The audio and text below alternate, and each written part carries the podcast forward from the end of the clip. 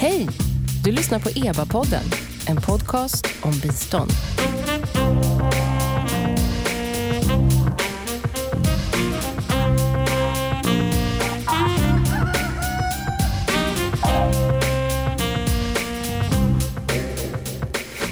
Välkomna till EBA-podden. Jag heter Nina Solomin och det är expertgruppen för biståndsanalys som ger ut den här podcasten. Det förkortas EBA och det är en statlig kommitté som utvärderar och analyserar Sveriges internationella bistånd. I EBAs uppdrag ingår det att varje år eh, redovisa föregående års verksamhet i en årsrapport som levereras till UD. Och den här årsrapporten kallar vi för biståndsanalys och jag ska också säga att nytt för i år är att den finns som ljudbok och det kanske ni som lyssnar på podd, våra poddar har sett också att den ligger med bland poddavsnitten. Och snälla ni, har ni varit inne och lyssnat på ljudboken kan ni inte gå in på vår hemsida eba.se och följa länken till vår utvärderingsenkät så att ni kan ge oss feedback. Var den jättetråkig? Var den fantastisk? Vad kan vi förbättra till nästa år? Men det ska vi inte tala om idag. Idag ska vi tala om eh, biståndsanalys och jag har samlat tre experter från expertgruppen eh, för att just lyfta de viktigaste delarna eller de delarna som de vill framhålla i vår årsrapport. Vi sitter i dessa coronatider på lite olika ställen. Helena Lindholm, ordförande i expertgruppen för biståndsanalys. Du sitter i Göteborg. Hej! Hej! Ja, jag sitter här i Göteborg. Vad gör du när du inte är ordförande för EBA? Då är jag eh, professor i ett ämne som heter freds och utvecklingsforskning vid Göteborgs universitet. Så då eh, forskar jag och eh, undervisar studenter. Julia Schalk, du sitter med mig här i studion. Du är ledamot i EBA, men du gör inte bara det.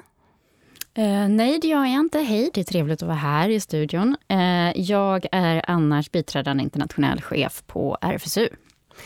Tack. Och så har vi en tredje gäst, nämligen Magnus Lindell, också ledamot i EBA och eh, dessutom, eh, ja, hur, du sitter i Oslo. Och hur vill du presentera dig? Ja, jag sitter i Oslo eh, och har suttit här för drygt två månader faktiskt. Jag pendlade till familjen här några år och sen hamnade jag på den här sidan när gränsen stängdes helt enkelt.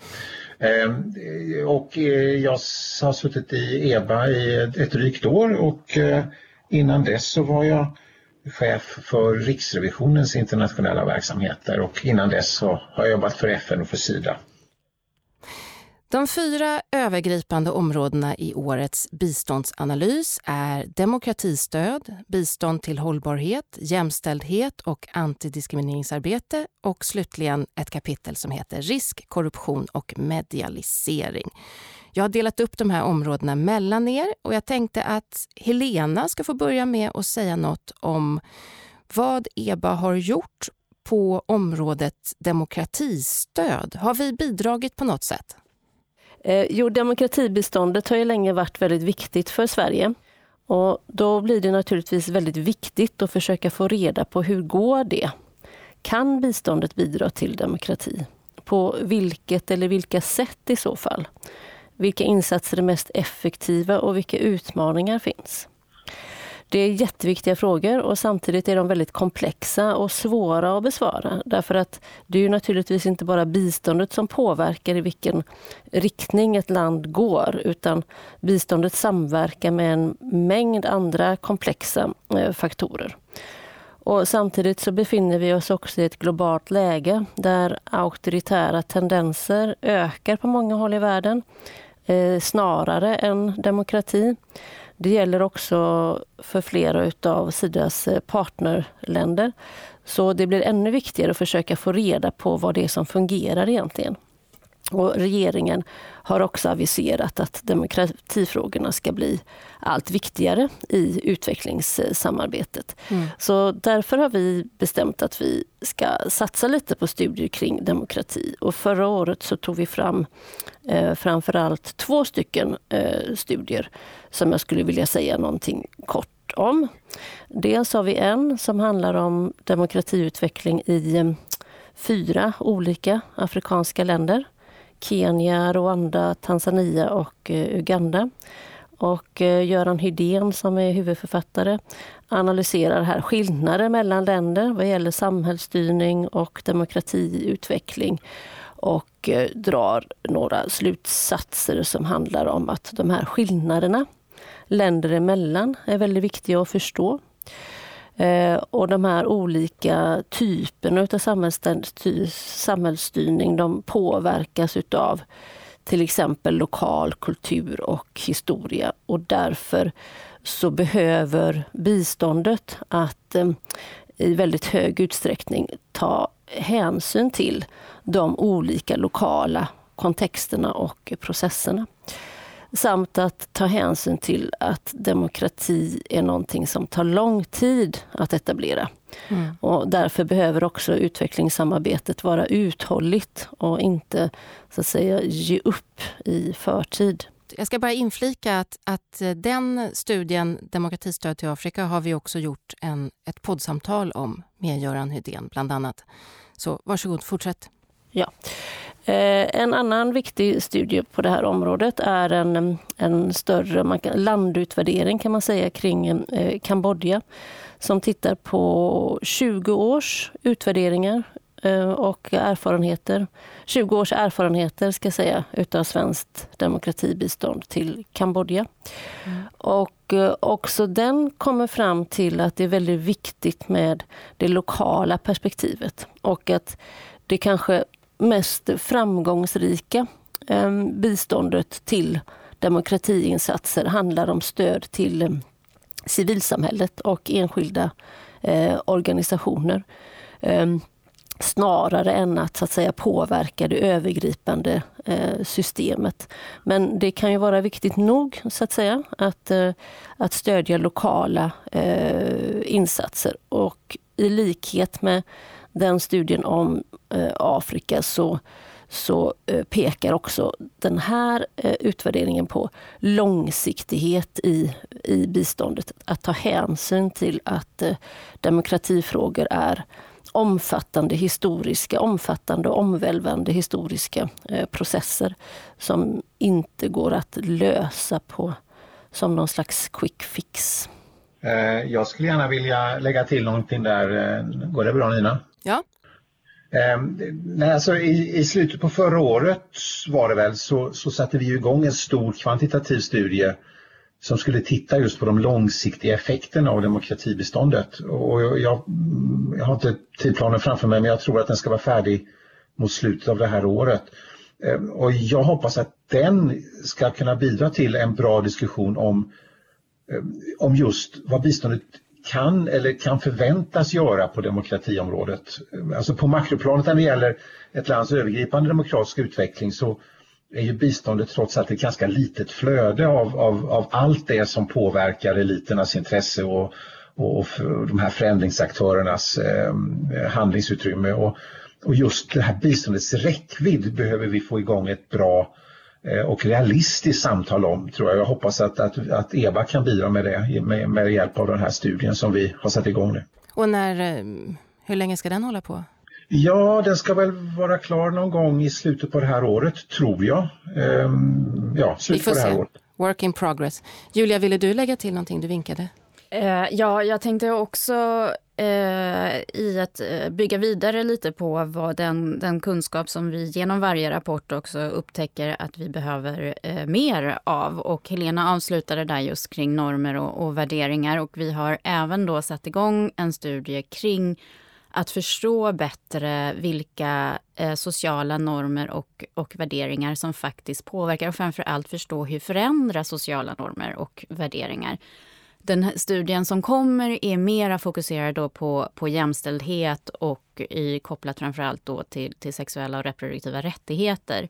Men, men själva idén om att det finns ett behov av att förstå dels hur, hur biståndet kan och kanske bör vara med och eh, förändra eh, och stötta de eh, organisationer eller politiska initiativ som, som vi tror kan, kan bidra men också förstå vad är sociala normer, hur förändras de och, eh, och vilken påverkan har de då på kanske institutioner eller demokrati eh, bygger då i det, utifrån det temat vi pratar nu. Den är också på gång. Den är också mm. på gång, men den kommer, den får man en ganska Härligt. stor studie, så den får okay. man vänta ett helt år på. Den kommer ja. nog först nästa. Ett år går snabbt, herregud. Mm. Eh, ja, men om vi då skulle Eh, förflytta oss till eh, det nästa stora tema i biståndsanalys, årsrapporten. Eh, det heter Risk, korruption och medialisering. Och jag tänkte vi skulle börja bakifrån. Eh, om vi börjar med slutsatserna i det kapitlet så lyder de så här. Första slutsatsen, det är två stycken. Sverige behöver ett mer nyanserat offentligt samtal om biståndet som bättre speglar biståndets faktiska förutsättningar när det gäller möjligheter och risker. Och den andra slutsatsen är eh, Sida bör även fortsatt fokusera på transparent hantering av risker utan att underrapportera, acceptera korruption eller liknande. Magnus, du fick detta område i knät. Hur har expertgruppen kommit fram till de här slutsatserna? Vad baserar de sig på? Ja, alltså eh, de här slutsatserna bygger på två studier som vi gjorde förra året. Eh, och de belyser något som jag tror ganska ofta är två sidor av samma sak. Eh, den, den ena studien den handlar om riskhantering i biståndet. Det vill säga hur ska biståndsgivarna förbereda sig på att saker och ting inte går som man väntar eller som man hoppas ehm, eller att en, en biståndsinsats helt riskerar att gå åt skogen.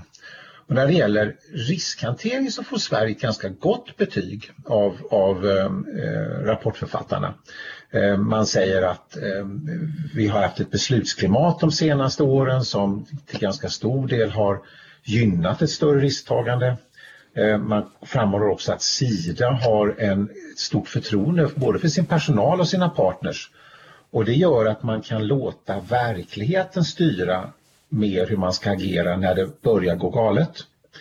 Eh, och det i sin tur har medfört att man kan arbeta med goda resultat i svåra miljöer med stora risker. Om man, Afghanistan är ett fallstudie i den här rapporten.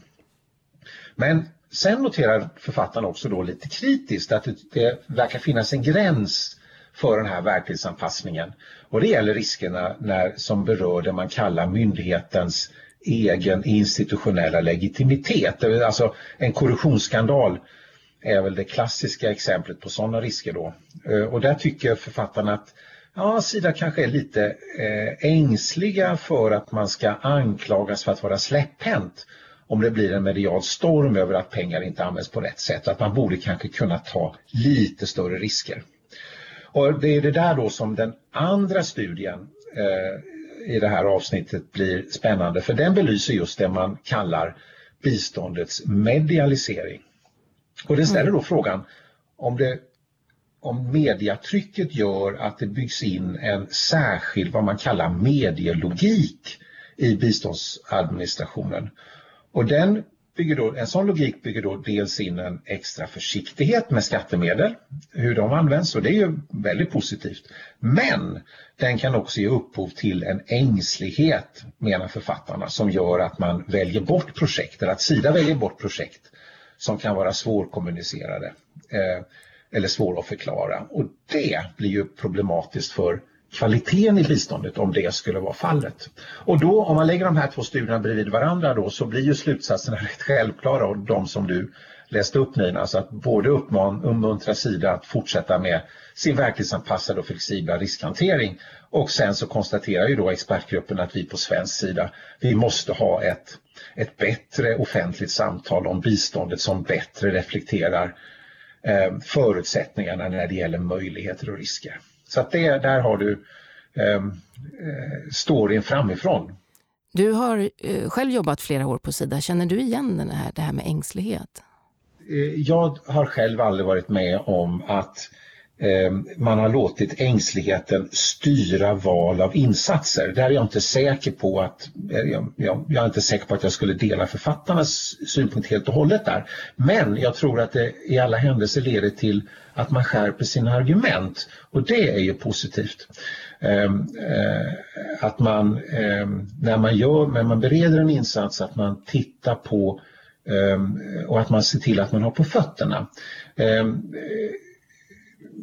jag själv har inte upplevt att eh, insatser har varit att man på det viset har valt bort insatser därför att man är rädd för att pressen ska ställa frågor om det. Mm. Eh, om inte ni andra har något väldigt akut att tillägga så skulle jag vilja gå vidare till nästa område. Är det okej okay för alla? Självklart. Absolut. Ja. Det är eh, det område som eh, Julia har hand om här i samtalet. Jämställdhet och antidiskriminering heter kapitlet i biståndsanalys.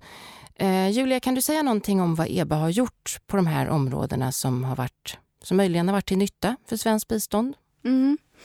Jo, men det här är ju eh, ett område eller två områden beroende på hur man ser det som är, har väldigt hög prioritet inom eh, inte bara bistånd utan ska säga, svensk utrikespolitik med en feministisk utrikespolitik.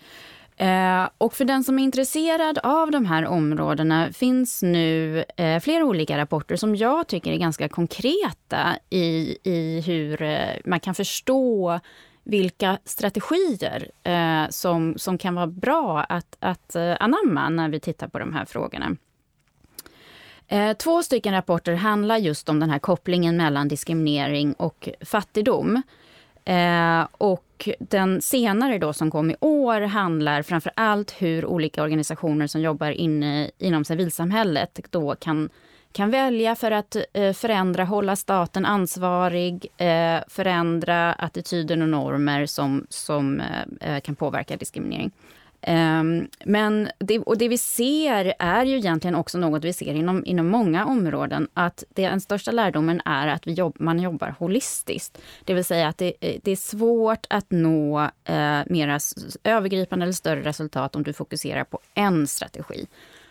Så det, och det leder in på egentligen den andra lärdomen, att en annan viktig strategi är att jobba i allianser. Att eh, du kan inte göra allt själv kan man säga, men många är, är starka tillsammans. Och att, att jobba tillsammans med andra organisationer eller andra sektorer eh, ger också eh, bättre resultat. En annan rapport eh, som, som också eh, kom i år handlar om sociala... Förra året? I förra, förra året. pratar vi mm. om. Ja, I år är ju någonting helt annat, men förra året eh, så, så kom den här rapporten som tittar på sociala trygghetssystem och vilka konsekvenser det får för till exempel eh, kontantbidrag eller eh, matransoner eller arbetsmarknadsprogram om, om den analysen, eller hur det görs, också tittar på maktförhållandet mellan kvinnor och män. För det finns ju en risk att vi i den här eh, goda viljan, ska man säga, också eh, kanske cementerar de här könsrollerna som finns. Om du ger kvinnor eh, det här bidraget för att de då ska ta hand om familj och barn, så kanske de riskerar att faktiskt eh, inte kunna ge sig ut på arbetsmarknaden eller delta politiskt eller vad det nu är, är de, de vill. Ja, är det, en, det ser ut som att det är en rapport det till. Det finns ju en rapport till. och det är faktiskt en av de eh, mer omfattande rapporterna, en ganska stor rapport. Och den har faktiskt ett helt eget poddavsnitt om man vill gå in och, eh, och lyssna på den. Och den, det är en eh, rapport som utvärderas eh, Sidas jämställdhetsarbete, eller jäm, jämställdhetsintegrering ganska noga. Eh, och den stora lärdomen som jag tror vi alla kan ta med oss från den Eh, är ju också att jämställdhet, att jobba med jämställdhetsfrågor kräver eh, också kunskap. Alltså det är ett område som vi måste förstå. Och det räcker inte med att, att det här är någonting som alla håller med om. I Sverige kan det ju lätt bli att det här är en sån svensk prioritering, så alla kan det här lite per definition. Eh, och det är nog en liten fara när vi inte ifrågasätter hur och varför och vad vi gör. För då blir det på något sätt ett, ett område som som alla bara, det ska bara finnas där. Och så kanske man inte analyserar på vilket sätt. Just det, det var en studie där ett par forskare hade eh, gjort följeforskning helt enkelt på Sidas ja. Eh, genomförande av jämställdhetsintegrering. Ja, eh, någon som vill lägga till något eller ska vi move on?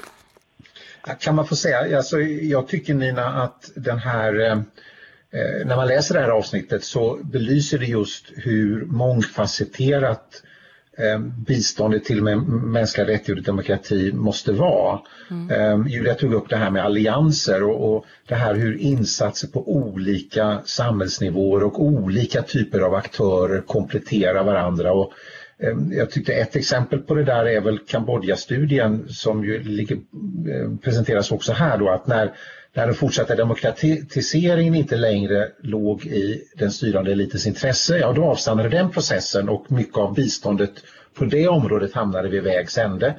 Men samtidigt så pågick ett jämställdhetsarbete ehm, inom biståndet som har gett väldigt bärkraftiga resultat. Till exempel var det att flickor nu går ut grundskolan i lika hög grad som pojkar. Så att motgång på ett område kan på något vis följas av framsteg på ett annat. I Kambodja. Eller parallellt som du framsteg. talade om Kambodja här, eller hur? Ja. Mm. Kan... Mm. Det var det som var exemplet. Ja. Okej, eh, Helena, om inte du vill lägga till något kring jämställdheten så tänkte jag ställa en annan fråga till dig. Mm.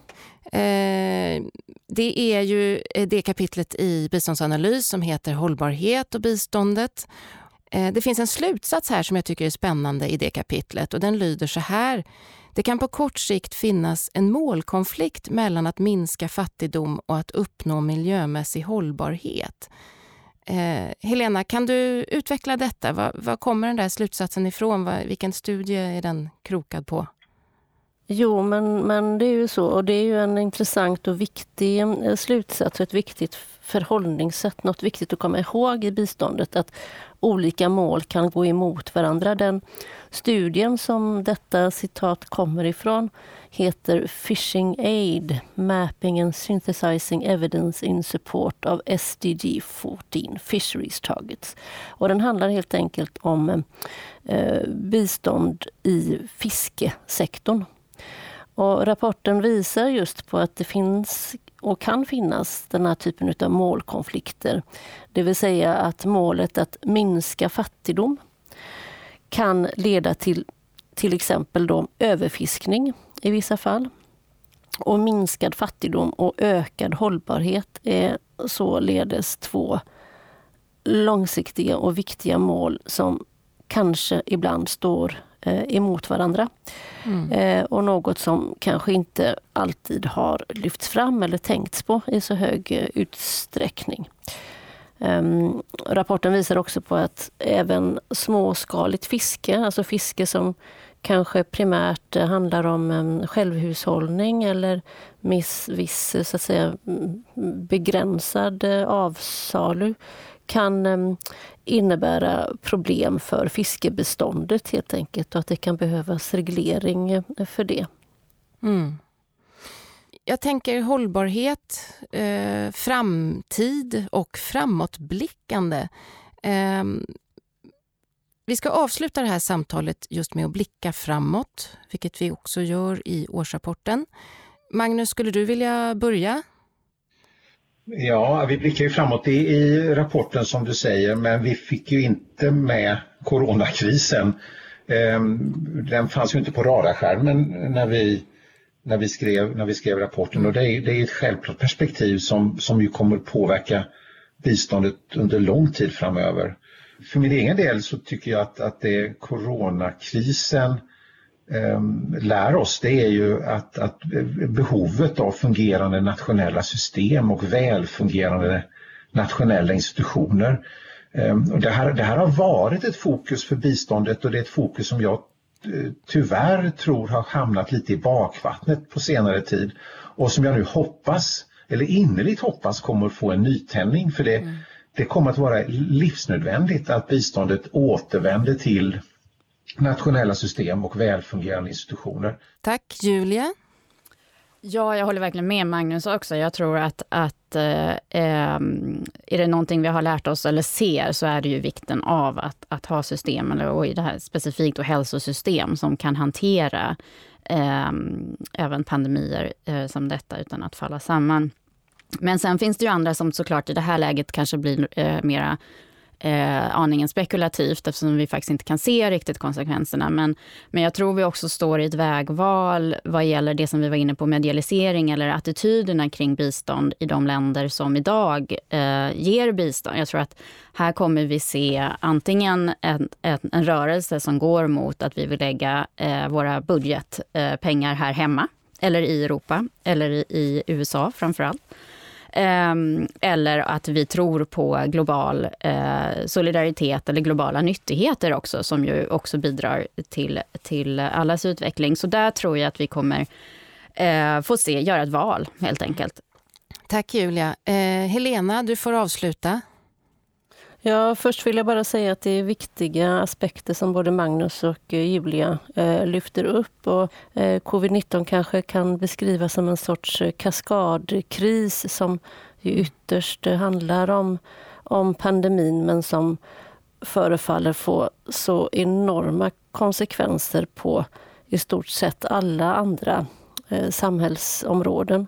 Du inledde ju den här frågan om, om framtiden med fokus på, på hållbarhet och eh, Magnus tog vid och pratade om vikten av institutioner och eh, då tänker jag att ett viktigt slutord från mig skulle kunna vara att eh, vikten av hållbara institutioner, institutioner som förmår hantera den här typen av kriser, vilka vi inte har varit riktigt beredda på. Tack Helena Lindholm, EBAs ordförande, Julia Schalk, ledamot i expertgruppen för biståndsanalys och Magnus Lindell, också ledamot i EBA. För er som vill ta del av biståndsanalys, som inte har gjort det, så finns det flera sätt som jag nämnde tidigare. Eh, förutom ljudboken så går det också att rekvirera biståndsanalys som pappersmagasin och det kan jag faktiskt varmt rekommendera. Den finns både på svenska och engelska. Eh, då mejlar ni till eba.ud.gov.se så skickar vi per post. Och det går självklart bra att beställa flera ex om man har vänner eller kollegor som också vill ha denna faktiskt väldigt fina produkt. Man kan dessutom gå in på eba.se och ladda ner biståndsanalys som pdf om man har väldigt bråttom. Och som sagt, ljudboken inläst av skådespelaren Björn Kjellman. Den finns på samma ställen som våra poddar. Och glöm nu inte enkäten. Eh, tveka inte att risa och rosa eh, i den.